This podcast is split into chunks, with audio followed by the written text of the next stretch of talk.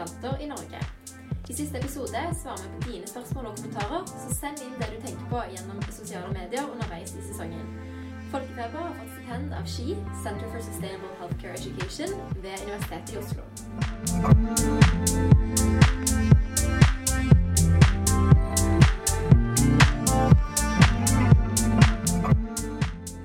Hei og velkommen til denne episoden av Folkefeber. I dag er det Amanda Hallo. og meg, Ida, som er her. Og vi skal ta for oss det juridiske som er med på å bestemme papirlø eh, papirløse migranters situasjon. Og har til det vært så heldig å få med oss jurist Charlotte Weigan. Velkommen til deg. Tusen takk. Og Charlotte, du har jobbet eh, lenge for papirløse migranter, bl.a. i Folkerettsstasjonen i ti år i Røde Kors. eh, Og deltatt i en rekke paneler og debatter også. Og det første vi lurer på, er hva som startet ditt engasjement for denne gruppen. Ja, ja det Det var eh, når, vi jobb, når jeg jobbet i Røde Kors. Så Røde Kors ligger jo i sentrum i Hausmanns gate. Og eh, vi opplevde jo veldig ofte at det kom personer på kontoret, altså på selve sekretariatet i Røde Kors, og trengte helsehjelp. Personer uten lovlig opphold. Og eh, det var jo ikke et Vi hadde jo ikke noe mulighet til å hjelpe de der. Eh, og grunnen til at de kom til Røde Kors, er jo fordi eh, Røde Kors i, i væpnet konflikt, altså i krig, så er jo Røde Kors-emblemet et, eh, et beskyttelsesemblem som ofte også benyttes når det er eh, mulig å få helsehjelp. Altså, eh, de som kommer til Norge, har et forhold til Røde Kors som ofte er fra krigssituasjoner, hvor de da tror at hvis de kommer til Røde Kors, så kan de også få helsehjelp, for det har de vært vant med fra hjemlandet sitt. Så da begynte da ble jeg Jeg kom jo ofte ned, altså ble tilkalt av de som satt nede i resepsjonen, for å prøve å hjelpe dem til å navigere i forhold til hvor vi kunne veilede de videre, da, hvis ikke de kunne få hjelp til oss. Og da oppdaget eh, jeg jo ganske fort at de hadde jo ikke noe Det var jo ikke mulig egentlig å veilede de noen som helst sted, fordi de var jo livredde for å gå til et offentlig sted, altså til en legevakt eller til en lege, for de var redd for at de kunne bli sendt ut av Norge.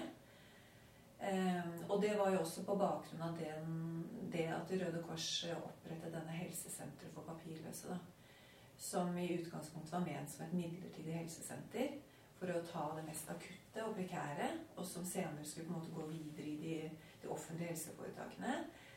Men uh, som fortsatt er den dag i dag. da. Jeg vet ikke hvor mange år det er nå, ja, men det er jo godt over ti år. Uh, og pågangen på det helsesenteret har jo vokst hvert eneste år.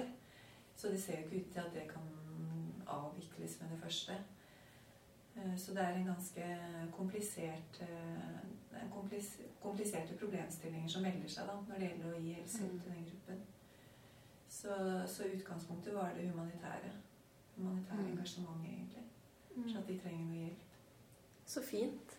Du sier at de kom, eh, kom på kontoret, at du møtte en del av disse menneskene. Kan du fortelle oss litt om, om gruppen du møtte? Var det liksom en, en homogen gruppe? Var det noe altså typiske trekk med de som kom, eller var det liksom alt mulig? Hvem, hvem er det du har møtt i denne gruppen? Altså, I dag er det mye forskning på det, da, som Helsesenteret for papirløse har eh, utarbeidet gjennom årene, som viser på en måte eh, andelen i forhold til de ulike alderstrinnene. Jeg sitter ikke med de eksakte tallene her, men det er nå i dag finnes det jo ganske mye mer eh, analyse på det. Men den gangen så var det alt. Det kunne være mødre som kom med barna sine, små barn, eh, som hadde vondt ulike steder. Det kunne være unge gutter som kom, som hadde skader, hadde smerter. Det kunne være eldre mennesker. Det var liksom hele spennet, da. Eh, og det som var på en måte Jeg har jobbet mye med forvaltningen, altså dette med forvaltningsrett. Dette at eh, uavhengig av hvem du henvender deg til i forvaltningen, så skal alltid det forvaltningsorganet du henvender deg til, hjelpe deg og veilede deg til rette instans. Og det som var så fortvilende her, var jo at de hadde akutte smerter, de hadde behov for helsehjelp. Og så kunne på en måte ikke jeg veilede de til de mest selvfølgelige, da, em, som er legevakten. Eh, ofte hadde en del av de vært hos legevakten, men eh, ikke fått noe hjelp der. Og når jeg begynte å undersøke videre på en måte hvorfor, da, så var jo det nettopp fordi legevakten tar det akutte og er nødt til å prioritere ganske hardt. Og en del av de som kom til oss, hadde jo underliggende Altså det var kanskje ikke akutt liv-død, men det var sterke smerter. De var sterkt nedsatt. altså Allmenntilstanden var dårlig. Barna hadde vondt, altså hadde hatt vondt over lang tid. Eh, og etter hvert så så man at det var barn med diabetes, og det var jo også voksne som hadde gått langt i kreft, ulike kreftformer. Så det, var, så det er jo ganske sånn var jo alvorlige tilstander, men som ikke legevakten hadde noe mulighet til å ta unna. da.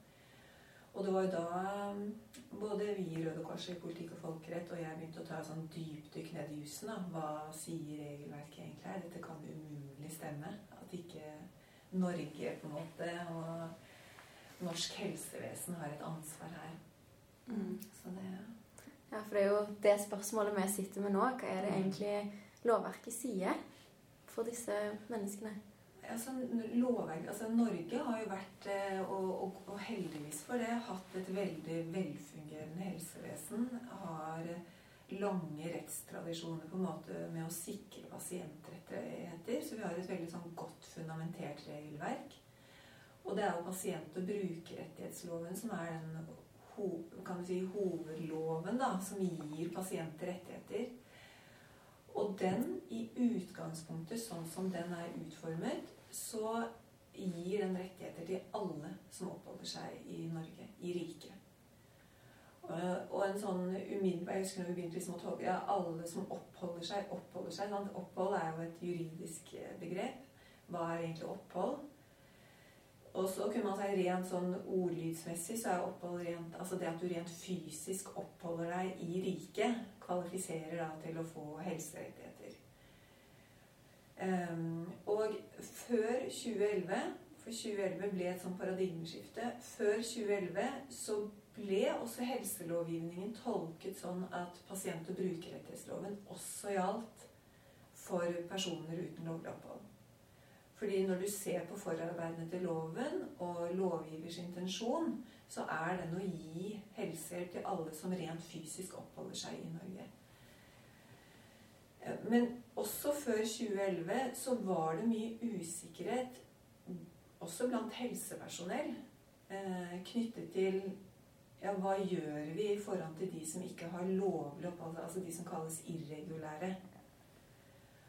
Og irregulære, det, det, er en fragmentert gruppe. Det vil si på, det er i realiteten alle som ikke, har et, ikke kan lovlig dokumentere sitt opphold. På en måte det er det er, eh, det er motstykket, da. Men innenfor den gruppen så har du forskjellige grupper. Det kan være mennesker som kom hit og søkte asyl etter flyktningkonvensjonen. Og så er jo det en lang saksbehandlingstid. Og så kan de etter en del år få et endelig avslag f.eks. på den søknaden. Og når de får endelig avslag på asylsøknaden, så befinner de seg da her ulovlig og har en plikt til å reise fra landet. Men før 2011, for da skjedde det en sånn voldsom innstramning i asylpolitikken, så hadde ikke vi noen sånn effektiv uttransportering. Når, når mennesker fikk endelig avslag på sitt, uh, sin asylsøknad, så var det ikke nødvendigvis noe som effektiviserte eller effakturerte på en måte effekt, ja, selve uttransporteringen. Sånn at de kunne godt bli værende her etter at de hadde fått et endelig avslag uten at det skjedde noe. Og da var de her egentlig som irregulære, da, etter den eh, som man forstår irregulære i dag. Men så er det også den gruppen som får endelig avslag, men hvor Norge ikke kan sende dem tilbake til hjemlandet fordi Norge kanskje ikke har en returavtale med det landet, og da har man ikke lov til å returnere de til det landet, eh, til hjemlandet sitt. Eller det kan være fordi at det er så farlig for dem å returnere. Det kan være fare for liv og helse og forfølgelse. Og da har man etter menneskerettighetene ikke lov til å uh, uttransportere de. Og da blir de såkalte ureturnerbare. Da har de ikke lovlig opphold her, men de kan heller ikke vende tilbake, så de kommer i en sånn limbo-tilstand. Men, men, har da etter pasient- og, pasient og brukerrettighetsloven per i dag da, klassifiserer de seg, eh, seg ikke til å få fulle rettigheter, rettigheter etter denne loven. Og faller da liksom mellom to stoler. Og så har du også de som kommer hit uten å registrere at de kommer inn. Og sånn sett fordi de, de vil ikke bli registrert. De har kanskje prøvd å få asyl i, i ulike europeiske land, eller har forsøkt å få beskyttelse, men har ikke fått det, og går da sånn under jorden Eh, men uansett er altså den gruppen irregulære er en ekstremt liten gruppe. Vi opererte i mange mange år med tallet på 15 000. Jeg tror kanskje det er mer også enn det det er i realiteten. Så, og det betyr at når man begynner liksom å snakke i forhold til helserettigheter, så er det fortsatt på en sånn bitte liten gruppe som økonomisk sett ikke Det er ikke noen store kostnader forbundet med å gi den gruppen helsehjelp, men det har politiske aspekter ved seg knyttet til innvandringspolitiske hensyn, som gjør at man eh, også på helseområdet har eh, begrenset rettighetene. Da. For det var det som skjedde i 2011. Så fikk du noen asyl... Eh, du fikk en innstramning i asylpolitikken. En ganske heftig innstramning i forhold til hva Norge tradisjonelt hadde hatt tidligere. Hvor en av de områdene hvor man strammet inn på, var på helselovgivningen. Og da fikk vi da denne forskriften for personer som ikke har lovlig opphold i riket, som begynte å gjøre det veldig komplisert for helsepersonell. Og skulle vite hvordan de skulle navigere da, innenfor det landskapet. Og det er gjort uh, vurderinger av den forskriften hvor enkelte mener at den er menneskerettighetsstridig. da. At før det så var Norge mer i takt med menneskerettighetskonvensjonene, men etter den forskriften hvor vi fikk innstramninger, så begynte vi å gå i utakt. Hva sier den forskriften, da?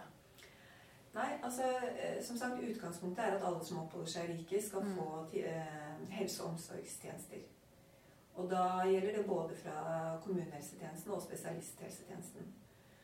Og så fikk vi den forskriften som var på en måte nærmest en sånn direkte bestilling fra regjeringen den gang i forbindelse med innstramninger på asylfeltet. Om at eh, man skulle ikke ha fulle rettigheter, for vi ville ikke ha såkalte helsemigranter. Og da var det ikke noe forskning som tilsa at det var noen helsemigranter i det hele tatt. Og når du undersøker gruppen nærmere, så er det ikke det, er ikke det som er eh, grunnen til at de flykter i utgangspunktet. Det er ikke for å få helsehjelp i Norge eller eh, andre europeiske land. Det er ofte skader de har hatt fra fødsel av, eller som er mye eldre enn det, eller ting de pådrar seg under uh, flukten, eller som, som, er et resultat av rett og slett veldig veldig svak livskvalitet, av dårlig ernæring og mange ting. Den forskriften sier at eh, Den sier at alle eh, den, den, retter seg spesifikt til irregulære, altså de som ikke har lovlig opphold. Så den er spesifikt rettet mot den gruppen. Og den sier at hele den gruppen har rett til en vurdering fra spesialisthelsetjenesten. Men i og med at de irregulære ikke har krav på fastlege, så er det veldig veldig vanskelig for dem å få en vurdering etter spesialisthelsetjenesten. For der trenger de ofte en henvisning. Og den henvisningen vil de veldig veldig sjelden få. For de kommer ikke engang inn til fastlegekontoret. Nei, Hvordan kan de da få den henvisningen? Nei, det er det som er. Så det er i realiteten en sånn papirrettighet. Men som vi også den gang i Røde Kors jobbet veldig aktivt med å på en måte få frem at realiteten i det er at de ikke får den vurderingen de har krav på å få. Man får liksom ikke undersøkt pasienten engang.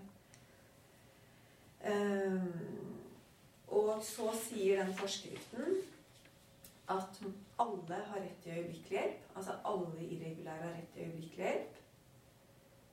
Um, og så viser den tilbake til pasient- og brukerrettighetsloven, som er liksom hovedloven når det gjelder øyeblikkelig hjelp. Mm. Og så går den ganske langt når det gjelder barns rettigheter ved at den sier at For der prøver forskriften å gå mer i takt med Barnekonvensjonen. Så den sier at personer under 18 år, dvs. Si alle barn, har i utgangspunktet fulle rettigheter.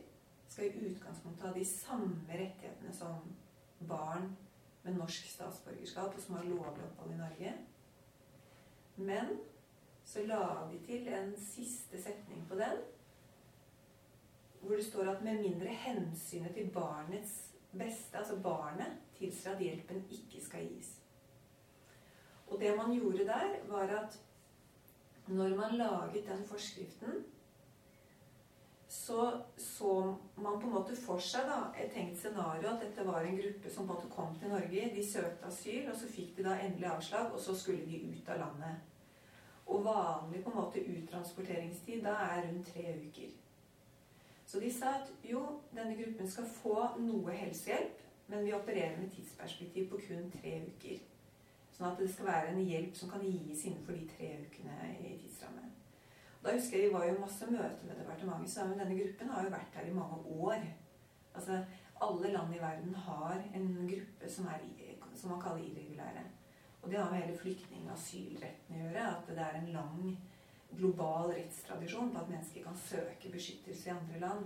Man kan flykte over grenser, man kan migrere. Så du har hatt det i alle tider. Det er ikke noe nytt fenomen. Og vi kommer alltid til å ha en gruppe som er irregulære. Men da på en måte eh, tenkte man å endre da praksis på utlendingsfeltet. At man skulle effektivisere uttransportering. Sånn at liksom når denne gruppen da fikk endelig avslag, så skulle de transporteres ut. Og da ville det ta maks tre uker før de var ute av landet.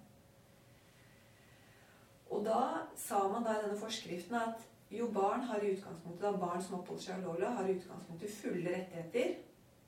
Med mindre hensynet til barnet tilsier at ikke hjelpen skal ytes. Og med det så mente man at med mindre foreldrene og barnet på en måte var på vei i en sånn uttransportering, da kunne helsepersonell vurdere om det var forsvarlig å iverksette en behandling hvis de da var i sånn løp for uttransportering. Men det, det, helsepersonell ofte opplever, da, er jo at det er jo ikke tilfellet. Dette er jo personer som har enten levd i skjul i Norge i mange år, eller har kommet over land Altså det er, det er ikke, De er ikke sånn effektiv uttransporteringsløp.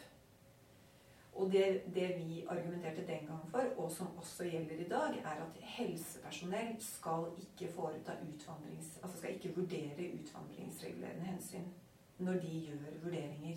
Det ligger hos utlendingsmyndighetene. Så helsepersonell skal kun foreta medisinskfaglige vurderinger knytta til pasienten. Og gjøre en forsvarlig vurdering der av hvilke hjelp og behov denne pasienten har. Og det er det. Mm. Og da Til nå har ikke jeg vært borti noe særlig tilfelle hvor det har blitt konflikt mellom helsefaglige vurderinger og effektiv uttransportering. Men det jeg ofte har møtt på, er helsepersonell som har blitt usikre på om de gjør noe ulovlig hvis de gir denne gruppen hjelp. Og det har mye med de signalene man har sendt, sendt i forhold til det eh, innvandringsregulerende og innvandringspolitiske som har gjort at helsepersonell blir usikre. Og det kan jeg i hvert fall si nå, at det vil aldri være ulovlig for helsepersonell å yte helsehjelp til irregulære migranter. Det er liksom Det vil det ikke være. Det er godt å høre. Ja. Mm. Veldig. For vi har jo snakket med bl.a. Helsesenteret og en eh, som er papirløs. Og det er jo mye sånn som du sier, at man hører historier om at eh, helsepersonell gjerne vil yte hjelp, men ikke tør kanskje, mm. eller ikke tror at de har rett til det, eller plikt til det. da.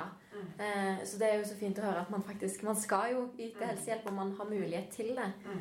Eh, for det er jo det som gjør dette lovverket så vanskelig å navigere. Mm.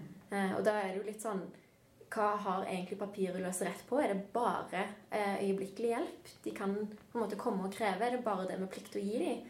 Eller Nei, altså nei. Det går lenger, heldigvis. Mm. Men det er bare sånn i forhold til barn, da. Det som gjør det vanskelig er at de er, i utgangspunktet har krav på fulle rettigheter. Og det er utrolig viktig, og det lønner seg at barn har krav på akkurat de samme rettighetene som norske barn, da, eller barn som oppholder seg i Norge med lovlig opphold. De har fulle og hele de samme rettighetene. Mm. Og det er Barnekonvensjonen. Og det er pasient- og brukerrettighetsloven. Altså, det er utrolig viktig at eh, at helsepersonell fastholder det. Eh, for det er barnets beste vurderinger som skal være de avgjørende. Og som sagt, jeg jobber, altså, har jo vært inne i dette området i veldig veldig mange år. Jeg, jeg, har, jeg har, kun vært i ett tilfelle eh, som gjaldt et spedbarn. Og som ble veldig alvorlig, hvor man begynte å sette disse regelverkene i konflikt med hverandre. Og som endte med at man eh, ikke ga et barn en veldig livsnødvendig behandling. Men hvor Tyskland heldigvis gikk inn fordi de da eh, gikk, eh, reiste videre til Tyskland. og hvor, hvor, man der ga de den operasjonen de trengte. Så, så, det er veldig viktig at man Det er barnets beste man skal ilegge der. Nei, altså Man har rett til, etter denne forskriften, også rett til helsehjelp som ikke kan vente. Og det er, en, det er også en bestemmelse altså Den følger den samme forskriften fra 2011, og den har vi kritisert veldig. Fordi øh, å gjøre vurderinger av helsehjelp som ikke kan vente, er egentlig ikke et medisinsk øh, faglig terminologi. altså Det er ikke noe begrep. Det er ikke vurderinger som man har noe trening i å, i å foreta. Da, og det er kun igjen innvandringspolitiske hensyn og begrensninger som har på en måte flettet seg inn i helselovgivningen. Eh, og så har man da konkretisert at det er helsehjelp som er helt nødvendig og ikke kan vente uten at det er fare for nært forestående død. Så du begynner å bevege deg inn på denne fare for liv og død. Mm. Akutthjelpen. Eh, eller at hvis man ikke får hjelpen, så kan man få en varig sterk nedsatt funksjonstilstand eller alvorlig skade eller sterk smerte. Da skal de få hjelpen. Eh, man har rett til psykisk helsevern. Altså hvis det er en ustabil pasient Eh, som utgjør en nærliggende og alvorlig fare for seg selv og omgivelsene, så skal de få psykiatrisk og psykisk hjelp. Um, og det er også nødvendig helsehjelp før etter fødsel. Den er kjempeviktig. Jeg husker vi hadde noen saker i 2011 hvor, hvor, det var en kvinne som var her uten lovlig dokumentasjon for sitt opphold. gjennomgikk en fødsel, og så fikk hun da en regning på jeg tror det var 40 000 kroner i etterkant for den fødselen. Og, fordi hun ikke hadde lovlig opphold. Og da, eh, Utfordringen der det er jo at man ikke kan kreve altså Det er vanskelig å kreve refusjon hvis ikke du har eh, født, du har ikke noe eh, fødsels- og personnummer på pasienten når de er irregulære. Så det er en sånn ren sånn praktisk hindring der, rett og slett, ved at legene får ikke fylt ut skjemaene for å kreve refusjon. Eh, og det var jo også det som var utfordringen i denne saken her. Og saken gikk jo til Helsetilsynet. Og, og, heldigvis her så sa man at eh, helseforetaket kunne liksom sende en regning, men det var på en måte umoralsk og ikke eh, forsvarlig å følge opp en sånn regning med noe.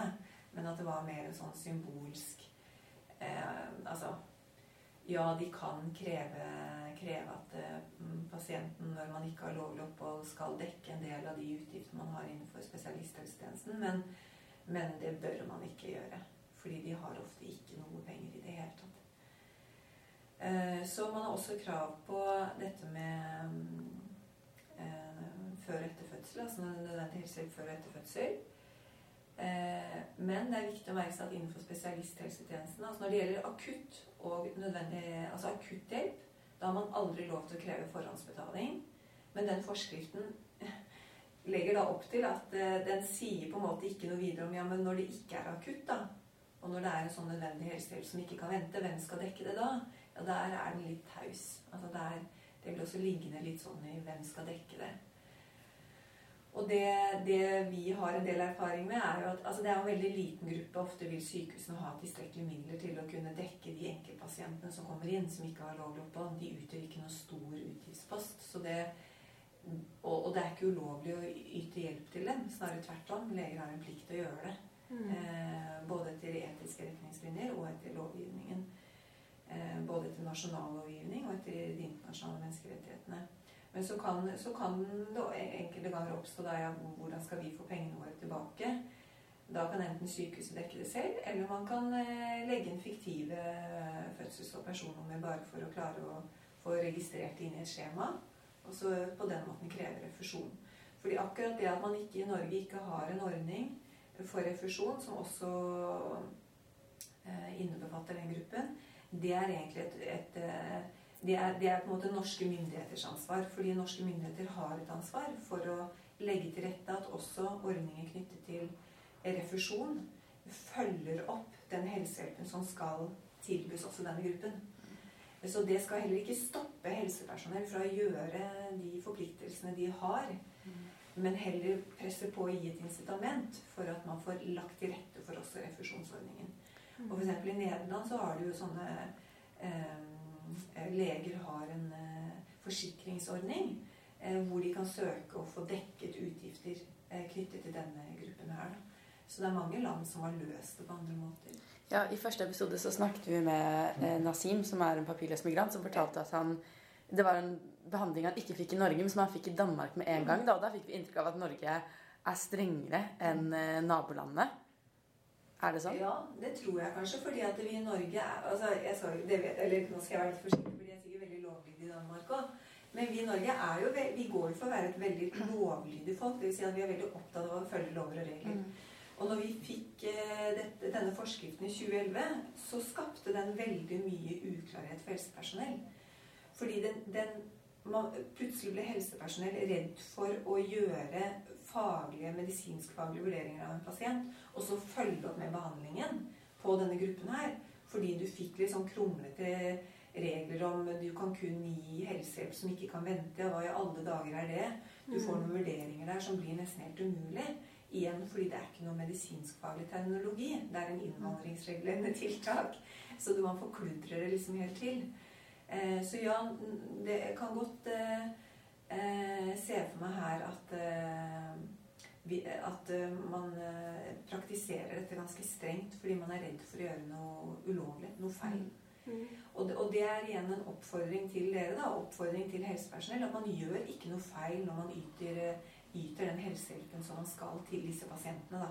Mm. Nei, det er ikke noe kollisjon mellom norsk helselovgivning og innvandringsregulerende tiltak. Så er, hvis man lar helsepersonell få gjøre sine helsefaglige vurderinger og gjøre den jobben de skal, så kan de innvandringsregulerende tiltakene og effektivisering av uttransportering fungere helt uh, smertefritt ved siden av. Det er mm. veldig veldig sjelden du får kollisjon mellom de to områdene. Mm. Det gjenstår fortsatt liksom å se noe særlig av det. det. Det, meste foregår fint å, å operere parallelt ved siden av hverandre. Ja, og Det er jo veldig fint å høre. for at, fall, sånn jeg forstår det nå, så er det veldig mye økonomiske og innvandringsregulerende hensyn da, som blir på en måte helse sitt ansvar helt plutselig av dette. Eller som man i hvert fall tar på seg. Eh, og bare sånn for å, for å, komme med et eksempel, da, så fortalte de jo når vi intervjua helse, eh, helsesenteret at det var en ung dame rett under 40 som hadde fått kreft, og som da ikke hadde hatt en sykdom som ikke kunne vente før hun ble i et palliativt stadium. da, Altså at hun ble døende, og da fikk hun akutt palliativ behandling, altså lindring. Mm. Men da, nå har jo du òg sagt at eh, ja, ok, noe som kan gi deg varige men eller skader, det skal man kunne gi helsehjelp for.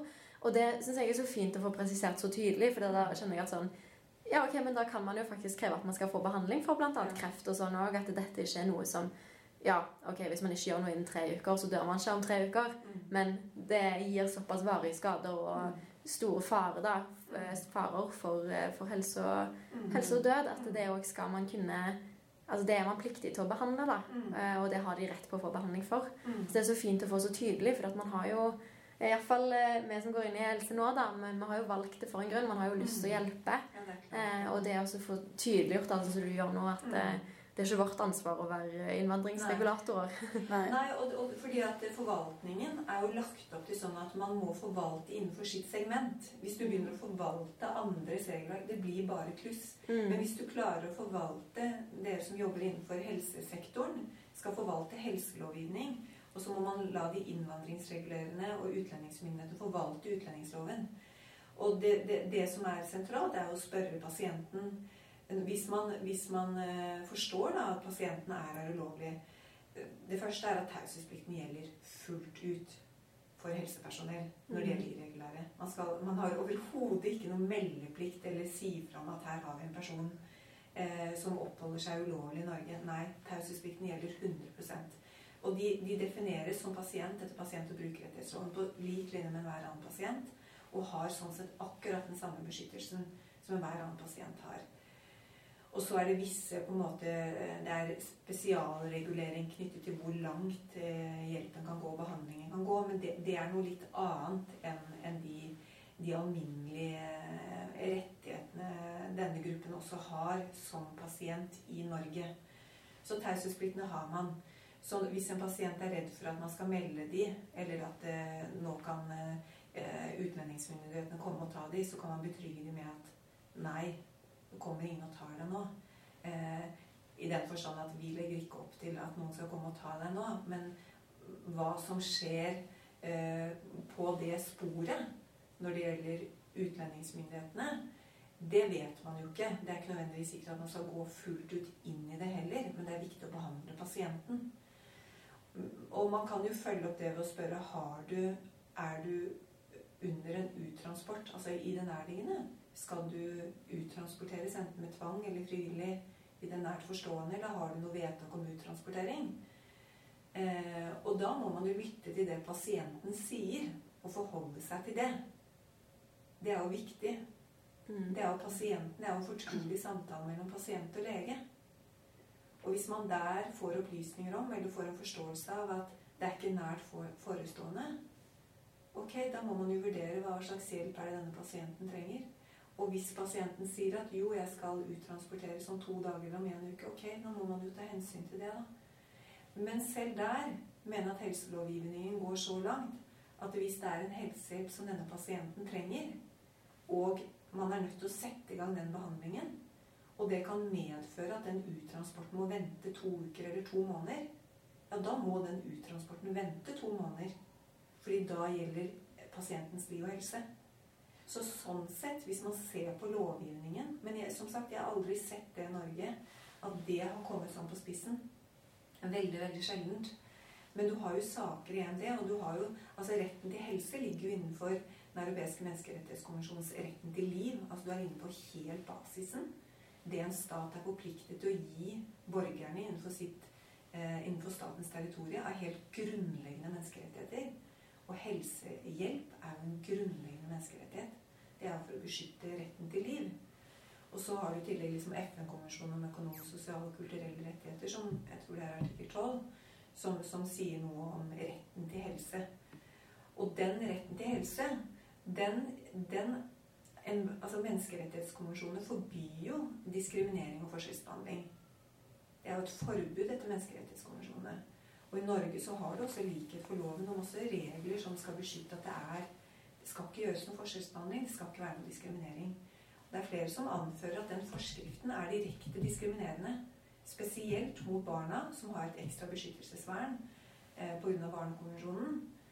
Eh, og at man da gjør begrensninger i helserettigheter for de, disse barna som lever kanskje med foreldre i skjul, eller som, har, som i utgangspunktet lever veldig veldig vanskelig liv. At man i dag i tillegg skal forskjellsbehandle dem, det mener mange er konvensjonsstridig. Altså det er rett og slett eh, i strid med Norges internasjonale forpliktelser. Og eh, eh FN-komiteen for økonomiske, sosiale og kulturelle rettigheter har jo i en eh, concluding observation, altså kommet med en uttalelse til Norge på at de mener at eller Hvor de uttaler at de er bekymret for denne forskriften. Altså dette at man er i ferd med å legge opp et løp hvor man begynner å forskjellsbehandle på så grunnleggende rettigheter. Mm. Og at det, kan, det bør man få rettet opp i. Sånn at man går mer i takt med konvensjonen og, og medlemsstatene. Og det, og det, det, er en viktig, det er en viktig korreks da, inn mm. til, Norge om at uh, det er ikke lov å gå Du har ikke lov å gå i liksom i motsatt retning av konvensjonsbestemmelsene. Du trenger heller ikke altså I uh, FN-konvensjonen så står det at du skal gi eh, borgerne liksom den høyst maksimale eh, helsehjelpen de kan få. Det kan man ikke tolke bokstavelig. Dvs. Si at du må gi en helsehjelp som er forsvarlig. Du skal gi også denne gruppen en helsehjelp som ligger på det samme nivået som enhver annen mm. innenfor statens territorium. Altså, det er der man er. Det skal være forsvarlig. Så det er ikke snakk om å gi dem liksom Eh, den høyst oppnåelige helsestandarden eh, liksom, eh, på en måte hvor the sky's the limit. Vi er ikke der. Vi er på en forsvarlig helsehjelp. Og når man måler forsvarlig, så ser man hva de andre i landet får av helsehjelp, og så legger man seg på den normalstandarden.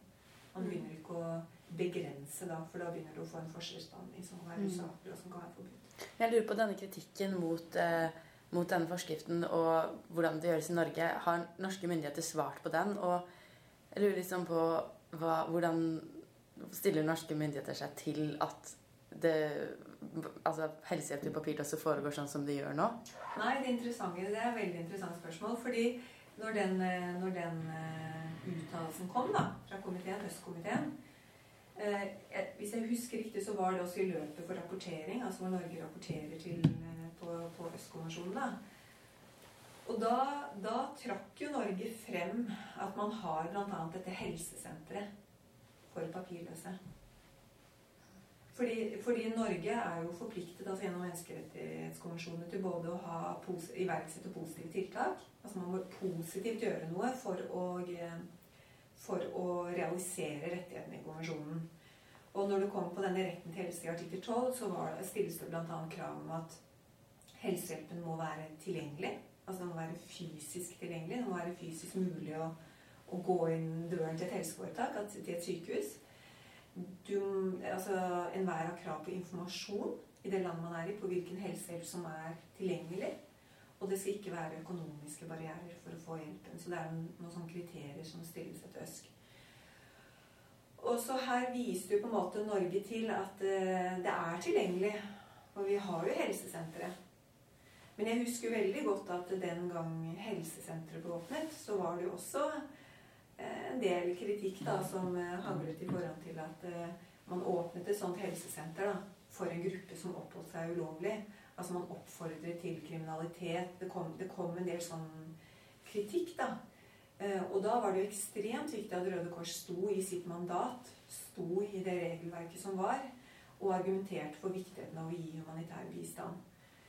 Eh, og eh, i dag så er det heldigvis ikke bare full aksept, men man ser også hvor utrolig viktig det helsesenteret er. Og det har skjedd eh, store endringer både i den Spesielt på rettsoppfatningen da, rundt at denne gruppen har absolutt krav på helserettigheter i Norge, både etter nasjonallovgivning og menneskerettighetene. Så eh, Norge har jo alltid vært eh, veldig sterke forkjempere av menneskerettigheter og jobbet Vært ledende, liksom, eh, ledende internasjonalt og politisk på, på menneskerettighetene. Så at Norge er en, er en forkjemper for menneskerettigheter. Det er vi fortsatt. Men det er klart at akkurat her, eh, på det som skjedde i 2011 når vi fikk den forskriften Det var jo tiltak som ble iverksatt veldig, veldig raskt. Innstramnings, altså innvandringsregulerende tiltak. Og som fikk på en måte eh, det gikk så fort at jeg tror nesten ikke helsepersonell og lege altså Man fikk nesten ikke med seg hva som skjedde. Og, eh, og forsto egentlig helt rekkevidden av hva som var i ferd med å skje. Men, eh, men og, det, og, det, er litt uvanlig òg at man går inn på annet forvaltnings, en annen forvaltningssektor enn sitt eget. For her var det jo ikke eh, altså Her var det jo helsepersonell som hovedsakelig egentlig da, og Legeforeningen som skulle på en måte vært eh, rådgivende og retningsgivende for hvordan man eventuelt skulle sett på hvordan man skulle lagt opp et sånt løp hvis det skulle gjøres noen begrensninger overhodet. hvis det skulle vært spørsmål om det. Men det koblet man jo ikke på. Så det, så det, var, det, det var, litt for rask eh, Gikk litt for fort i svingene akkurat på den forskriften der. Så Har det skjedd noen store lovendringer siden det, i 2011? Ikke meg bekjent. Men det er jo endringer eh, Men ikke, ikke, som jeg har fått med at det er store mm. endringer på det. Men det er viktig å nevne at det finnes en bestemmelse i utlendingsloven som også Røde Kors var tungt inne i bildet på for å, for å få på plass. Da. Fordi det var jo det var jo sånn, et klima for å kriminalisere personer som var her uten lovlig opphold. Altså, det, det, det, vi gjorde et skifte på asylfeltet i det samme tidsrommet hvor forskriften kom som var ganske radikal. Altså eh, Og da eh, var man i ferd med å kriminalisere rett og slett personer som oppholdt seg ulovlig. Og det var mange som heldigvis kom på banen da og begynte å, å, å synliggjøre menneskerettighetene. Og da fikk man heldigvis inn i utlendingsloven en bestemmelse fordi det er ulovlig å bidra til at mennesker motarbeider seg uttransportering altså at migranter motarbeider uttransportering, eller at man vanskeliggjør politiets arbeid med uttransportering. Det er, det er straffbart. Men man fikk heldigvis inn at det å yte humanitær assistanse og humanitær bistand og helsehjelp skal aldri være kriminelt. Altså det, det er beskyttet. Og det er beskyttet i dag i utlendingsloven. Jeg tror det er paragraf 108 som gjør et unntak der for humanitær bistand. Sånne organisasjoner som Røde Kors, NOAS og andre som jobber med humanitær bistand til den gruppen. og helsepersonell, helsesektoren. Mm. Og det er bra. Da har man liksom en solid grunnlag. Og det er også, denne gruppen har jo også rett til utdanning. Og, og det er sånn som det er lagt opp i opplæringsloven i dag, så er det jo at det, det skal gjøres en vurdering da, fra, fra rektoren ved hver enkelt skole, fra kommunen man oppholder seg i, i forhold til hva slags opplæring man skal få. For det er klart, barn har jo rett på opplæring. Og når de oppholder seg over en årrekke, så har de krav på å følge normalundervisning. Men det er klart det er ekstremt vanskelig å gi dem det. Når de lever ofte i skjul, når de lever så vanskelig liv, så er det vanskelig for dem å delta på flik linje på skolen som andre elever. Men der har de fulle rettigheter. Mm. Uh, mm. Du har vært inne på at det er mye usikkerhet eh, knyttet til hvordan å tolke lovverket. Og jeg lurer på eller sånn som eh, Da vi skulle forberede oss til dette, så prøvde Ida jeg å google liksom, lover for papirløse og helsehjelp. Sånn. Det er kjempevanskelig å navigere. Og det er, veldig, det er veldig deilig å snakke med deg fordi du gjør det så tydelig.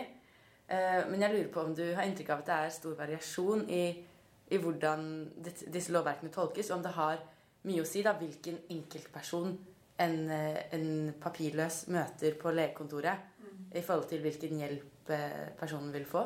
Ja, det tror jeg du har helt rett i. Jeg Mm. tror nok det fortsatt er der at det er ganske avhengig av hvem du møter på. Og det er der helsesenteret gjør en fantastisk jobb. da. Både fordi de gjør undersøkelser og vurderinger og kan i dag ta imot en del behandlinger, og de har en veldig god avtale med Diakonhjemmet. Men, og de kan jo sikkert uttale seg bedre om dette her da, men, eh, enn meg, men det er jo eh, Tidligere i hvert fall var det jo nettopp der det ble problematisk. Når du trengte den eh, når du trengte å henvise de til spesialist, eller du trengte den videre oppfølgingen, og da få de inn til et helseforetak. For da kommer alle disse spørsmålene. Ja, men har vi lov til det? Ja. Kan vi gi dem den hjelpen da? Og da er du litt avhengig av at du har noen som har satt seg inn i regelverket, som er trygge på det. Ja, det kan vi. Bare send pasienten over. Mm. Dette ordner vi. Det går fint. Og det samme hvis de er eh, og la, Nå har jo ikke denne gruppen, ikke barn heller, da, krav på fastlege. Men det betyr ikke at ikke en fastlege kan ta de inn. Mm. Altså det at du ikke har rett etter pasient- og brukerrettighetsloven på en fastlege, betyr ikke at en ikke, ikke en fastlege kan gi den gruppen hjelp. Det er et kjempeinteressant poeng. Ja. Ja. For det er jo med òg yrkesetiske reguleringer som vi Ja. pliktes til å følge. Og Ja. det er jo òg fint å minne seg på at det, der er, det, er ikke bare, det handler ikke bare om rettigheter, men det handler òg om plikter. ja, det er akkurat det. Fordi selv om du ikke har rett, så kan man ha den plikten. mm. Du kan gjøre det. Så det er, det, ja, det er faktisk to veldig forskjellige ting. Eh, og og, og det, er, det er mange fastleger som behandler denne gruppen i dag. Og, og det er også så godt er det. Altså, at, man, at man virkelig forstår at det er helt ufarlig. Det er ikke noe straffbart. Og det er helt innenfor regelverket å behandle den gruppen, selv om ikke de har fått en rettighet til å kunne ha en fastlege. Og vi mener jo Nå er jeg tilbake, men eh, jeg vil jo tro at dette er Altså, barn eh, som oppholder seg her ulovlig, det at ikke de har rett på fastlege, det mener jeg er klart i strid med eh, menneskerettighetene altså og Barnekonvensjonen. Fordi når Norge velger å ha fastlegeordning, det er, en, det er et valg. At vi har valgt en sånn ordning. Så kan ikke ordningen utestenge visse grupper fra samfunnet som trenger hjelp. Og i hvert fall ikke barn eh, som har eh, de rettighetene de har etter Barnekonvensjonen, også etter norsk lovgivning. Så, så det, det er rett og slett bare på en måte en Det at Norge velger å ha en fastlegeordning, det er greit, men da må man også se på hvordan skal man gjøre det i forhold til denne gruppen her. da. Sånn at de, øh, om de ikke står på en fastlegeliste, så må de allikevel få komme til fastlegen, for de har rett til en vurdering, de har rett til en henvisning. Eh, sånn man får de inn riktig. Mm. Men tror du man kan Altså Det virker som at eh, det skal veldig mye til at man gir for mye helsehjelp til papirløse og blir straffet for det. Altså Det virker som det omtrent ikke er mulig. Men kan man ende opp med å gi for lite hjelp og bli straffet for det? Ofte vil jo disse gruppene være så sårbare at de vil jo aldri kunne forfølge det. De er jo ofte så syke eller har det så vanskelig. Men du er inne på noe veldig interessant, for det var jo noe av det vi undersøkte. Og gikk, eh, når jeg jobbet i Røde Kors, var jo det noe vi var veldig opptatt av. Nettopp dette at de har rettigheter. Så det å liksom ikke gi dem den, eh, disse, disse rettighetene de har, det, det er eh, eh, Det kan være et lovbrudd. Eh, og eh, det, det skal jo være veldig forsiktig Det er jo avhengig av veldig mange faktorer. Men det er klart at det å nekte en pasient som har eh, prekære behov, altså som trenger helsehjelp, og ikke gi den hjelpen Man merker at det vrenger seg, sånn at det er noe som bare blir helt feil. Jeg tror, det, er, jeg tror det, det, det viktige veien å gå er å trygge, dere, altså trygge helsepersonell i at det vil aldri være feil å gi denne gruppen helsehjelp. Nei, jeg tror du har helt rett i at du kan aldri gi dem for mye hjelp. Du skal gi dem de samme, den samme hjelpen som enhver annen pasient har krav på. Og, og uten at jeg skal oppfordre til noen sivil ulydighet mot den forskriften. Men jeg mener at det er grunn til å være kritisk med den forskriften. Eh, fordi både måten den blir laget på, ved at den gikk i huet hast, og fordi den innfører noen begreper her som ikke har noen forankring i det medisinskfaglige, så mener jeg at man bør kunne fastholde på at leger kan fullt ut vurdere de, eh, komme med anbefalinger og vurderinger og, eh, og bestemme hva slags hjelp de trenger, og så stå i det, og så forfølge og gi dem den hjelpen. Uten at det skal komme i konflikt med noen regler. Dette er jo veldig viktige og gode presiseringer og forklaringer. altså Tusen takk for det. Det gjør det jo veldig mye enklere for, eh, for alle som jobber innenfor helse, å få, få skikkelig forklart og, og presisert det. Og jeg tror vi har lyst til, bare for å liksom konkretisere litt alle disse altså både begrensningene og lovverkene. fordi at det, som du sier da, På tross av mye begrensninger så har de jo rett til, og vi er plikta til å gi Mm. rettferdig og verdig helsehjelp. Mm. Så har vi lyst til å eh, ta noen cases Mm. som vi har lagd bare for å Mm. på en måte ja, diskutere dette i praksis. da. Eh, og den første, den er jo Nå har vi jo lagt oss litt på vårt nivå, eller vårt kommende nivå. Så den første handler da om at eh, du er en nyutdanna lege som er fastlegevikar på et kontor i Oslo. Og da kommer en pasient inn på kontoret som er papirløs, men som har det vi kaller for dyspné og trykk i brystet og stråling til venstre arm. Altså veldig sånn typisk hjerteinfarktsymptomer, da. Eh, og du har veldig lyst til å legge pasienten inn, men eh, pasienten er redd for å bli angitt til myndighetene. Og da lurer vi på da kan du behandle pasienten uten å skape noe risiko for å bli returnert? Og kan du love pasienten at han ivaretas og holdes trygg? Ja. Altså Det å gi helsehjelp kan aldri øke risikoen for at pasienten blir sendt ut. De to tingene har egentlig ingenting med hverandre å gjøre.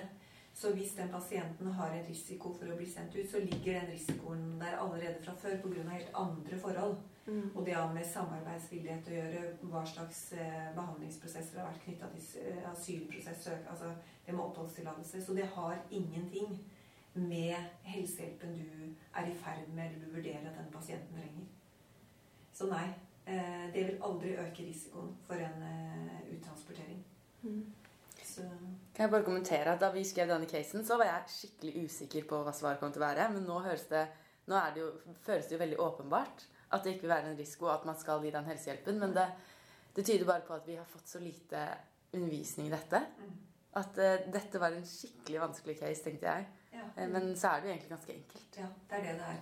Det er utlendingsloven som regulerer alt som har med oppholdsstatusen å gjøre. Som har en detalj, veldig detaljregulering rundt uh, dette med opphold. Og det er ekstremt godt ivaretatt av utlendingsmyndighetene, som har veldig god kompetanse på dette feltet. Og en sånn prosess, saksbehandlingsprosess, har veldig, veldig, veldig har ikke vært borti det ennå. Har jeg ikke sett at, eh, at det å få noe helsehjelp har noen som helst relevans i en sånn prosess. Eh, så det, det tror jeg det kan være helt trygg på. Mm. Mm. Det er en veldig god bekreftelse. Vi kan altså behandle sånn som vi ser nødvendig, uten å øke noe risiko. Absolutt. Ja. Og, og, ja, jeg kan ikke se for meg noen scenarioer heller som kunne oppstått, eller som kan skje. Eh, eh, hvis, eh, la oss si denne pasienten er i en effektiv uttransportering, eh, pasienten blir lagt inn og får behandling, eh, og behandlingen eh, er i gang, og, og denne pasienten da ikke møter opp for uttransport, så vil aldri det da, da vil ikke det at pasienten har fått eh, eh, helsehjelp, stoppe en uttransportering. Mm. Så hvis du ikke møter opp til en uttransport, så er det ulovlig. Du har en plikt til å møte til uttransport. Eh, og hvis du skal transportere frivillig, ok, da er det frivillig. Men da du, skal du fortsatt gjøre det, men da er det litt mer eh, uavklart når du har en plikt til å forlate landet. Men det er 100% på en måte pasientens ansvar i den forstand at om pasienten får helsehjelp i den perioden og ikke møter til den uttransporten, så vil ikke det gå på helsepersonell og man har gitt helsehjelp. Det har med helt andre forhold å gjøre. Du har ikke møtt opp til uttransporten din å gjøre. Så kan pasienten prøve å argumentere for at jeg fikk helsehjelp. Ja, det kan være muligens formildende omstendigheter. Ofte vil det ikke være det. Pasienten blir satt på neste fly, da, som går, og så vil pasienten ut. Altså, disse tingene her fungerer ikke, har ikke noe med hverandre å gjøre. Det er to separate spor mm. som, eh, som, ikke påvirkes. Eh, jeg har fortsatt ikke sett at de får noe betydning for, eh, for hverandre. Mm. Men, men, som sagt, utlendingsloven er tydelig på at forhindrer du politiets arbeid med uttransport, det er, det er noe annet. Mm. Men det er ikke det vi snakker om her. Her er det å gi en medisinsk hjelp. Det er ikke å forhindre politiets arbeid. Så det mm, Skjønner. Eh, jeg vet ikke om vi skal eh, Case 2 også. Den også nå, etter det du har fortalt, så virker det jo ganske åpenbart at uh, den casen hvor med, Hvis vi tenker at vi jobber som, som testpersonell for korona, og så er det en som kommer og tar en hurtigtest, og han får positivt svar, og pasienten er ganske dårlig, du ser han har tungpust og ser klam ut og smertepåvirket, og han har ikke noen fastlege, så du har liksom ikke noen helseinformasjon fra før. Um, og så Vi lurte jo da på om vi kan legge han inn, om det regnes som øyeblikkelig hjelp, og om vi har mulighet til å følge han opp, og om vi kan gi han kontaktinfo. Uh, for, uh, for, i tilfelle han blir uh, verre. Men hvis jeg forstår rett, så vil jeg tro at man kan gjøre alle disse tingene. Og man bør gjøre det. Ja. Ja. Men jeg syns likevel det er et interessant spørsmål. For vi har jo hørt i en debatt at ja, ok, jeg har operert hjerteklaffene på en pasient, men jeg kaller han ikke inn til oppfølging mm. eller til videre ja. sjekk. Mm. Og, det, og, det, som en kardiolog, da, eh, hvis jeg ikke husker helt feil, uttalt i en debatt og det, Så jeg synes fortsatt det er et interessant spørsmål om man da går vekk fra nødvendig helsehjelp når det er oppfølging. Ja, ja. det er det. Eh, altså bare sånn, Dette med smittevern er jo spesifikt nevnt i forskriften at også gjelder den gruppen. Så den er trygt innafor også den forskriften, da, at denne gruppen vil være omfattet. Eh, hvis man ser symptomer og de har behov for, eh, for, oppfølging og hjelp, så faller det innenfor den forskriften eh, for denne gruppen. Men det er jo akkurat, du er jo inne på det viktige der i forhold til hvordan gjør man den vurderingen, da. Og det er den vurderingen vi den gang argumenterte for, og som jeg fastholder, at den skal dere ikke måtte gjøre. Dere skal kun måtte forholde dere til det medisinskfaglige. Og hvis dere konkluderer med at pasienten tar behov for oppfølging og hjelp, så skal pasienten få det. det eh, så forskriften mener jo den, den, sier noe om at da må man inn og på en måte vurdere knyttet til at hvis pasienten skal la oss si uttransporteres om en uke, da, eller to uker. Ja, hvis det er en realitet som er en realitet, altså det er, det er dokumentert pasienten skal ut, og pasienten nikker 'jeg skal ut', jeg skal dra. Jeg skal på det flyet om to uker. Ja, jeg har tenkt å reise. Ok, da må man se, da. Er du så syk at det vil på en måte være helt uforsvarlig? Du må få en behandling nå, og den vil ta lengre tid enn to uker. Som sagt, det tilfellet har jeg ikke vært borti ennå. For da begynner, du å på en måte komme inn i noe som kan, kan få påvirke hverandre. Da vil fortsatt den medisinskfaglige vurderingen, det er den dere skal gjøre. Og, og dere skal stå ved den. Hvis myndighetene da, altså utlendingsmyndighetene, sier at uavhengig av den uttalelsen, så velger vi å sette den pasienten på flyet og hjem, selv om man her fra medisinskfaglig hold mener at det er uforsvarlig, denne pasienten bør få behandling, og man bør vente med uttransport. Hvis utlendingsmyndighetene velger å bruke myndighet der og allikevel uttransportere, så ligger det innenfor utlendingsmyndighetenes avgjørelser. Så da kan du stå fullt og helt for den vurderingen. Du kan gå så langt og si at 'det syns jeg ikke at dere skal gjøre'. Men hvis de allikevel beslutter, og man bruker tvangsmyndighet og uttransporterer, så gjør utlendingsmyndighetene det. Og da er det den delen av myndighetssektoren som utøver den myndigheten. Mm. Så man kan like fullt stå 100% ved de vurderingene man har gjort, fastholde det og understreke det gang på gang på gang. Og en sånn uttalelse kan få betydning hvis man senere skulle reist en sak for staten gjennom Den europeiske menneskerettighetsdomstol f.eks. på brudd på retten til, til, helse eller retten til liv, eller, så kan en sånn medisinskfaglig uttalelse som politiet og utlendingsmyndighetene ble gjort oppmerksom på ved en uttransport, kunne få en betydning for hvordan norske myndigheter håndterte den uttransporten. Hvis det senere skulle vise seg at det Men igjen, dette har jeg aldri sett. Jeg har aldri sett at dette har skjedd. Og det har mye med at denne gruppen er ekstremt sårbar. Um, og vi undersøkte mulighetene for liksom, mulighetene for søksmål for å kunne ta til nettopp for å få prøvd det. For å få den fine avklaringen da, mellom uh, hva er helsepersonell sin oppgave, og hva er utlendingsmyndighetenes oppgave, og hvordan eventuelt vil de stå seg virke opp mot hverandre.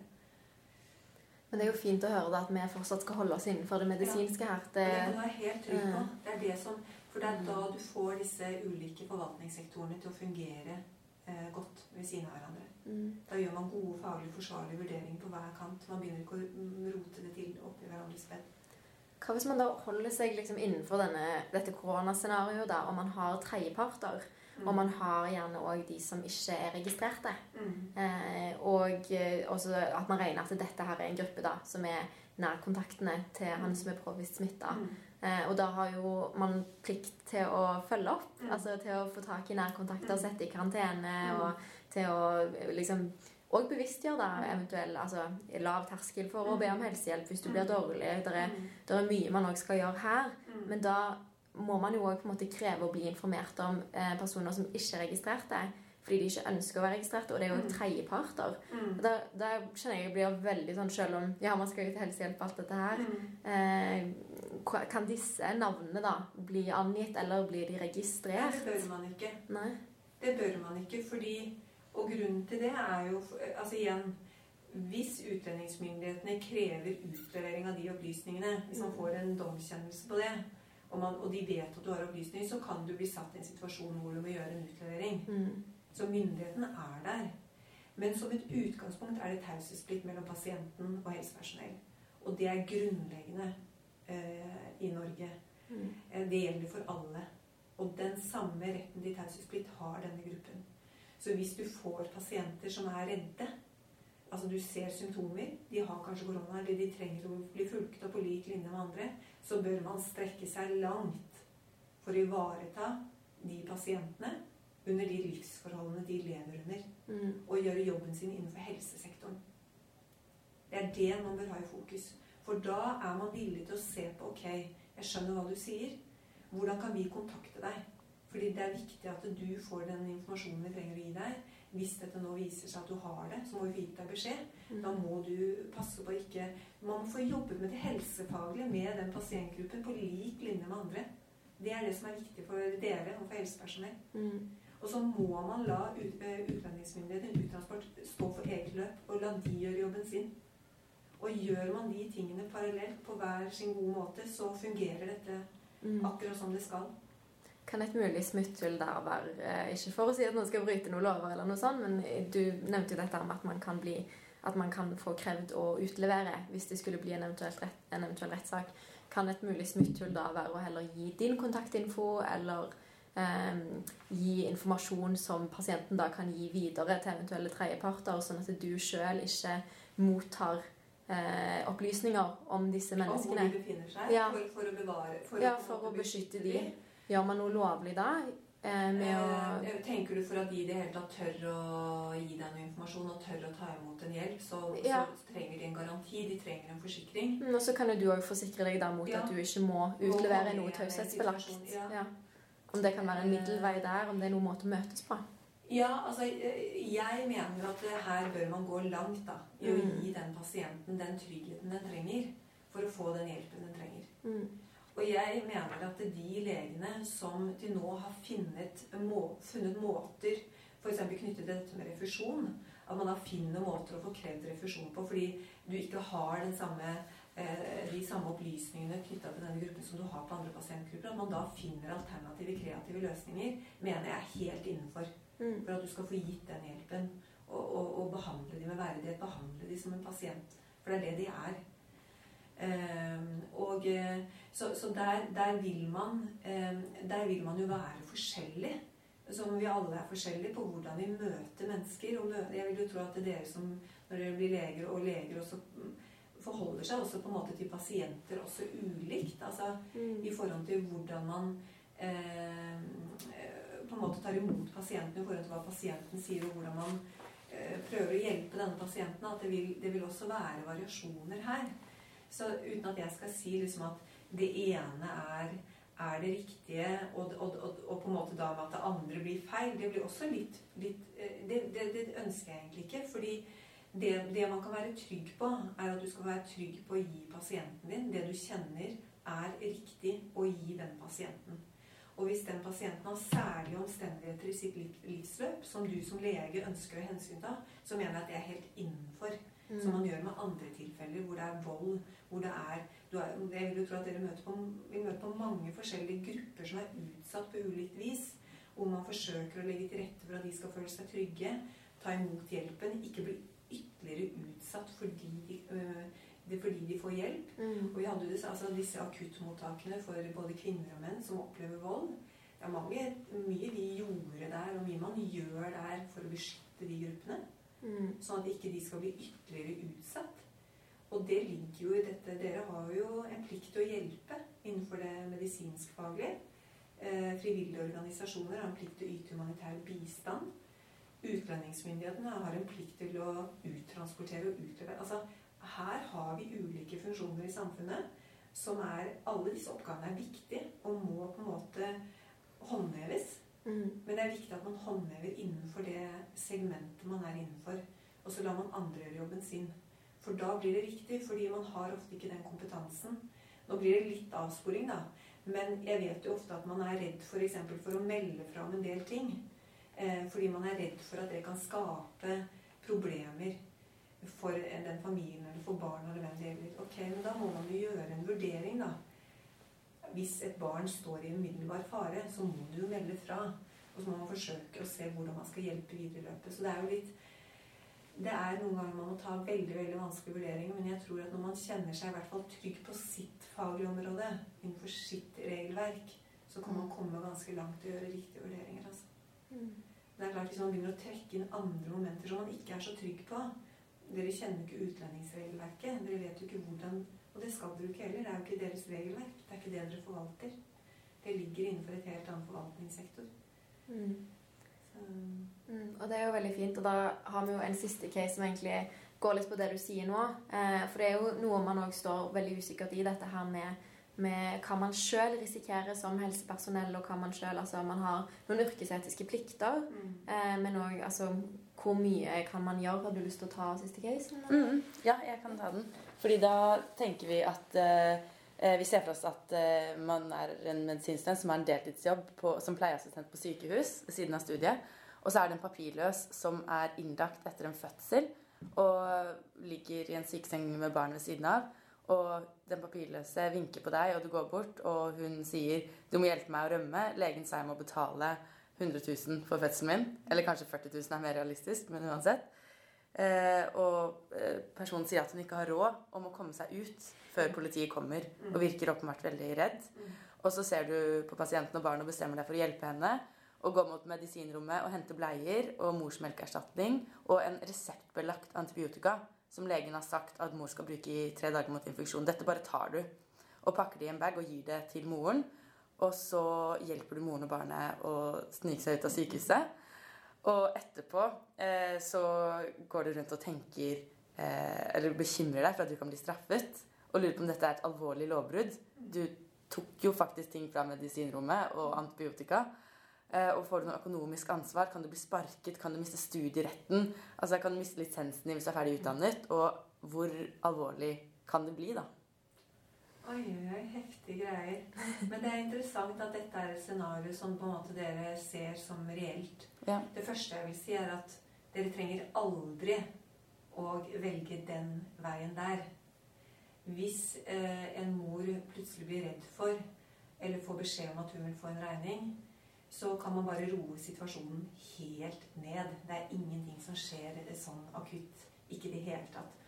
Og det å fakturere for en fødsel eller abort eller hva det er, vil aldri ha noe med utlendingsmyndighetene å gjøre. Mm. Altså det, det, har ikke noe med det sporet å gjøre i det hele tatt. Så, så, det er liksom det første Du kan si til mor, altså den pasienten, med en gang slapp helt av. Mm. eh, ok, hvis det er blitt sagt fra sykehusledelsen sin side, eller fra eh, ledelsen på, på dette sykehjemmet, at du kommer til å bli fakturert. Så det jeg kan si til deg, at vi har hatt et tilfelle på det. Og det, det kan skje.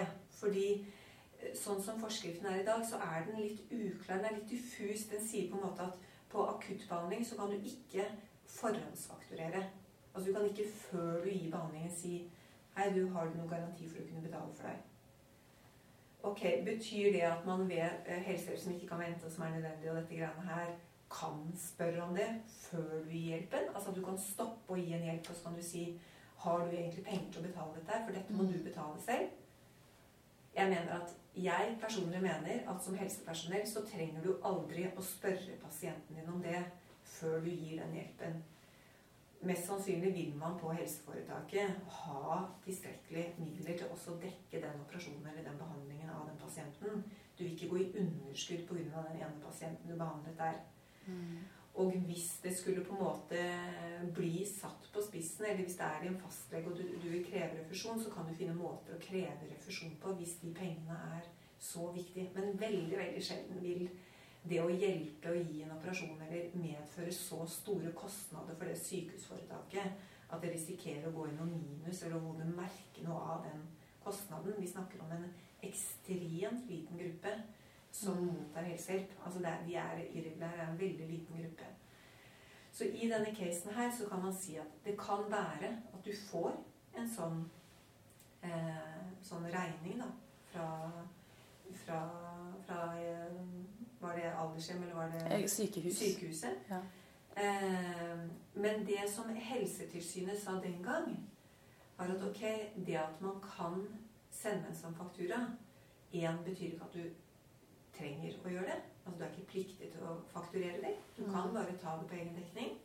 Og om du gjør det, så bør du ikke effekturere den. Nei, Altså Du bør ikke gå videre med å, med å kreve den, fordi pasientene har ofte ikke penger. Så det vil være, eh, det vil være uhensiktsmessig, og man bør ikke gjøre det. Mm. Og der opplevde jeg at Helsetilsynet var på en måte mente at her bør man egentlig unngå å eh, sende en faktura i etterkant, fordi som ofte har de ikke noe penger til å betale det.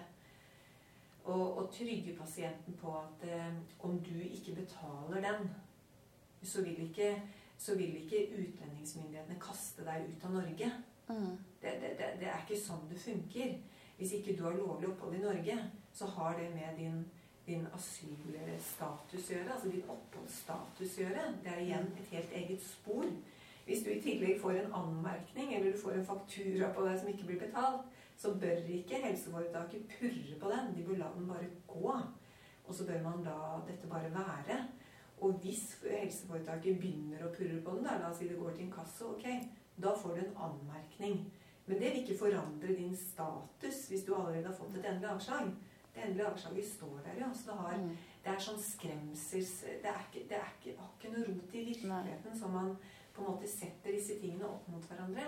Det er et viktig skille. Ja, Men her lurer jeg også på, fordi Hvis vi ser for oss at eh, denne, person, eller i denne casen, at den som hjelper, er pleieassistent, og Mm. legen og sykehusadministrasjonen de har lyst til å fakturere, og de har de, jeg, jeg vet ikke om de vil angi til politiet, men de har i hvert fall ulike meninger enn deg ja, om hva som må gjøres. ja. Og hvis du da uh, går imot sykehuset for å gi en annen hjelp altså du vil gi Du mener pasienten fortjener mer hjelp, eller du vil Eller ikke mener for- fortjener mer hjelp, pasienten har fått hjelp, men du vil hjelpe på en annen måte.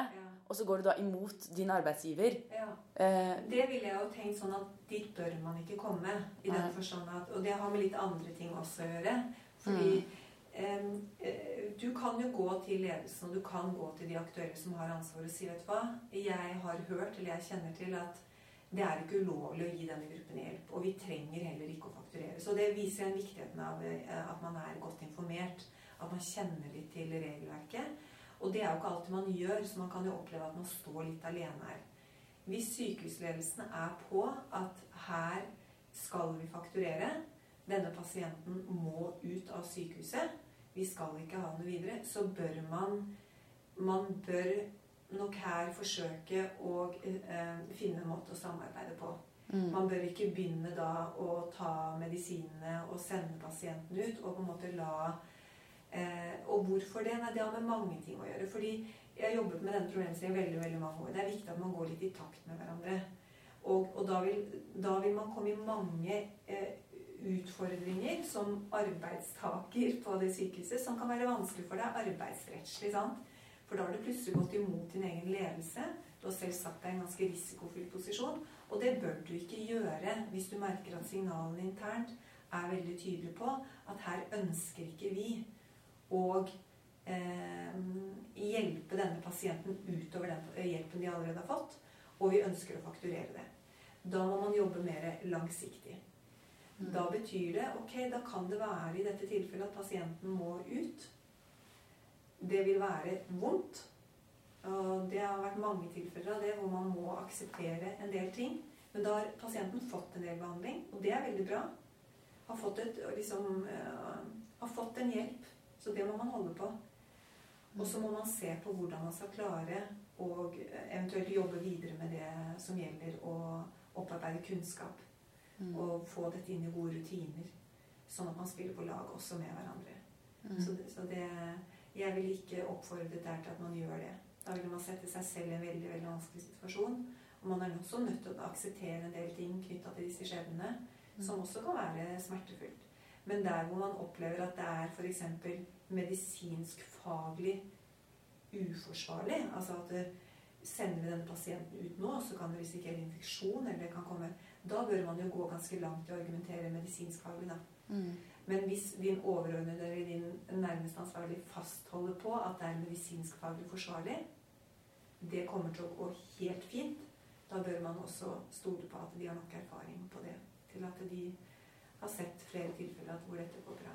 Mm. Så her må man, man må spille litt også på, man må jobbe litt sammen på dette her. Mm. Man skal ikke være redd for å ta faglige vurderinger, medisinsk-faglige vurderinger, og spørre sånn man Ok, det kan jo være ting man ikke da kanskje har vært klar over. at eh, ja, pasienten vil klare seg, eller eh, Og hvis Ja. Mm.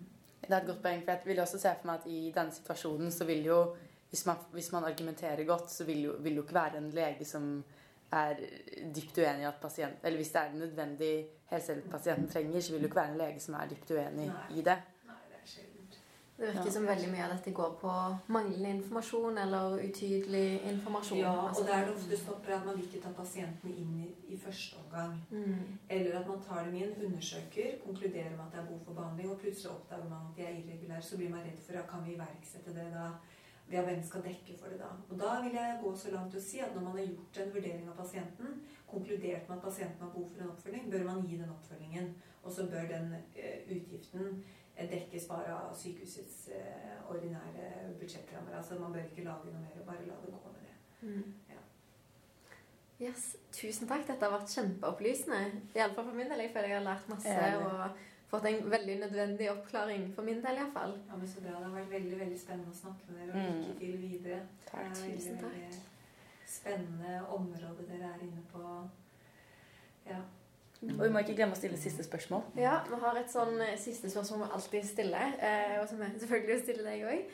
Eh, hva er det du tenker at det er viktig at lytterne sitter igjen med etter denne samtalen? Ja, lytterne kan jo være mange, da, men det er vel det mm, Jeg, jeg håper jo at de lytterne som er helsepersonell, eller som er i ferd med å utdanne seg innenfor det, har fått en veldig trygghet i at det det å kunne få lov til å gjøre den jobben og, og, det engasjementet og det ansvaret man føler for pasienten, det skal man også fullt ut kunne få ta for denne gruppen her. Uten å være redd for at man gjør noe galt. Mm.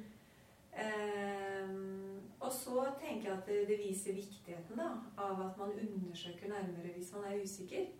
Og sånn rådfører seg med mennesker som kanskje har spesialisert seg innenfor f.eks. områder som har med regelverk å gjøre, innenfor andre områder, og andre områder hvor man er usikker, altså hvor man kjenner at noe, noe føles feil, så er i hvert fall min erfaring ofte at ja, men du skal forfølge litt den følelsen der.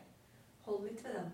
Mm. Kan, eh, det er ofte det som driver oss litt frem.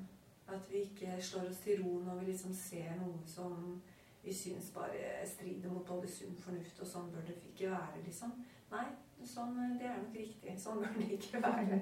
Og da er det ofte at man får god ryggdekning i lovgivning, menneskerettigheter eller andre kolleger som man kan spare med og høre at det er flere som tenker det samme.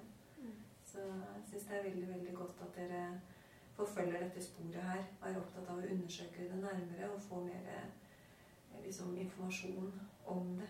Og så viser det seg at ja, regelverket var jo ikke helt sånn som vi Mm. kanskje trodde det var. Å ja, kan man slappe litt mer av og gjøre jobben sin på en god måte. Mm. Det er et veldig godt råd. Tusen takk. Ja. Tusen takk.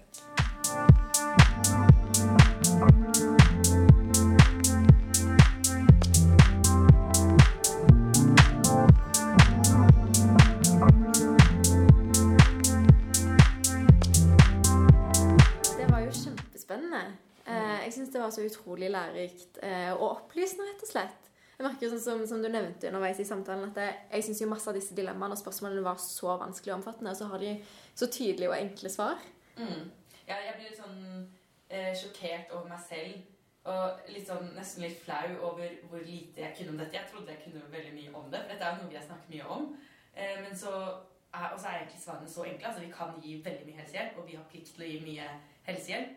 Men eh, jeg var så usikker på det. Mm. Og da vi skrev disse casene, tenkte vi at de var dødsvanskelige. og Ja, kompliserte og lange svar, og, men så er det jo det er veldig oppløftende da, at, at svaret er så enkelt. mm. Og at én samtale på litt over en time eh, gjør i hvert fall at jeg tenker veldig annerledes. Meg òg. Og jeg syns det liksom er så fint at, det, at vi får påpekt sånn, dette her med at det, vårt ansvar er helse. Eh, vår ans vårt ansvar er ikke å liksom videreføre en eller annen form for innvandringspolitikk eller å følge en regjering. Eh, og at de har en del rettigheter. Men uavhengig av rettighetene de, så er det jo viktig å huske at vi har en del plikter. At vi, vi plikter rent yrkesetisk og i den eden vi tar når vi er ferdige leger, i å gi rettferdig og verdig helsehjelp. Og det har disse òg krav på. Og selv om kravene ikke skulle utfylle alt, så plikter vi til å oppfylle alt. Ja, Og det gjør vi uavhengig av om det er eh, høyre eller venstre eller hvem det er som er i regjering. Mm. Eh, så skal ikke det ha noe å si for hva slags helsehjelp vi gir. Og det handler mer om altså når vi jobber som leger og legger oss på kvelden, er vi fornøyd med den jobben vi har gjort? Har vi bidratt til bedre helse for pasientene våre? Og vi skal ikke måtte bry oss om politikk, egentlig. Så det var veldig betryggende å høre, egentlig. At det ikke er så komplisert. Ja, jeg synes Det er veldig deilig, for det er jo det man merker at har vært et stort problem når man jobber med dette. at det, det er ikke det at man ikke ønsker å hjelpe, men man føler at man ikke har spillerom til det. Eh, og det vi nå får bekreftet, er at jo, jo, loven gir oss jo faktisk fullt spillerom. Det, vi Ja. står bare helsefaglig ansvarlige. Ja. Eh, vi står ikke ansvarlige for det, for det innvandringspolitiske. Og det du kanskje har følt at, vi har, at man har ikke hatt nok kunnskap til å hjelpe. Men man trenger egentlig ikke den kunnskapen. Eneste kunnskapen du trenger, er om medisin og hvilken medisinsk behandling pasienten trenger. Så trenger ikke du å bry deg ø, om altså de Eller det er kanskje greit å vite, men de, alle de juridiske aspektene, alle lovene, trenger man ikke sette seg inn i, for det er ikke ditt ansvar Mm. som helsepersonell. da. Ja, følger man, følger man sin yrkesetikk og sin lege er, da, så gjør man det riktig uansett. Og det, Det er jo viktig, og dette poenget ditt da med at ja, du kjenner i margen hvis du jobber med mennesker at du gjør noe feil, eller at du gjør noe riktig. Og heldigvis så går lovverket i tråd med det. I Ja. alle fall i, i forhold til liksom de normene og, ja, og verdiene vi da har i vårt samfunn, og er så heldige å ha. Og det er så viktig å tenke kritisk, fordi det snakket hun om på slutten, at man må, eh, hvis man får en vond følelse, så må man holde ved den vonde følelsen. Her er det noe feil. Eh, denne, denne papirløse migranten trenger hjelp. Det er ikke riktig å fakturere eh, 100 000 for den operasjonen til en papirløs migrant som ikke har penger. Og der må vi, altså medisinstudenter, og vi, vi pugger jo mye, ikke sant? Det er mye vi bare lærer oss uten å tenke så mye kritisk. Men her, denne kritiske sansen er veldig viktig Mm. i dette punktet. Og, og holde på den. Og det viser jo nok en gang altså bare det tilgang på god informasjon og bare litt sånn oppklaring, sånn som iallfall jeg følte jeg fikk mye av nå. Hvor mye det har å si bare for tryggheten i det arbeidet man gjør, da, og for visshet om hva man har lov til og, og plikter til og rett til å tilby å få. Altså dette her med viktigheten av å bare altså undersøke litt nøyere, spørre et ekstra spørsmål, kjenne sånn, ok, dette føles ikke rett å nekte. Er det sånn at jeg må nekte det? Eller omvendt, da. Så nei, jeg syns det var altså så fint eh, og oppklarende alt, og særlig da når vi fikk inn litt caser og fikk konkretisert det litt, for at det, jeg merker jo i hvert fall som, som medisinstudent at eh, jussen kan bli litt avansert for min del, men at eh, jeg syns dette var kjempeoppklarende. Enig. Og det bør jo inn på studiet. Altså, vi, vi går jo på tredjeåret, og vi har hørt rykter om at det kommer på eh, senere, senere, senere år. Men jeg tenker du bør jo egentlig inn fra første år helt fra start, fordi vi går jo flere år da, med en sånn usikkerhet om hvordan håndtere papirløse migranter og helsehjelp, og det trenger jo ikke være en usikkerhet. Det bør jo egentlig fra i modul, eller blokk 1, da, modul 1, eh, være, være informasjon om Eller være på pensum. Mm, ja. jeg.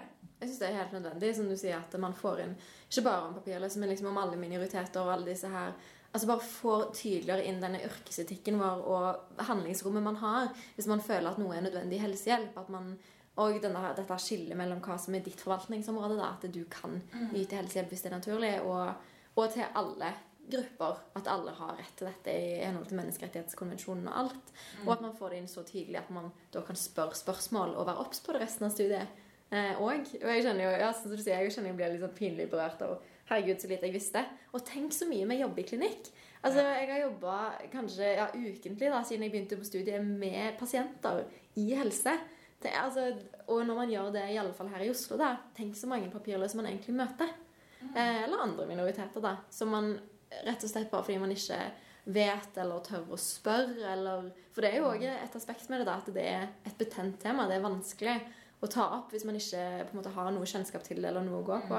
Tenk så mange man er i kontakt med som man kan gi så mye bedre helsehjelp hvis man bare ja, får, får hjelp til å sette i gang tankerekken da i begynnelsen av studiet. Ja, jeg er helt enig. Ja, det var skikkelig gøy. Yes. Nei, det var kjempespennende. Tusen takk for oss, og tusen takk for at dere hørte på. Ja. Så ses vi snart. Mm. Ha det.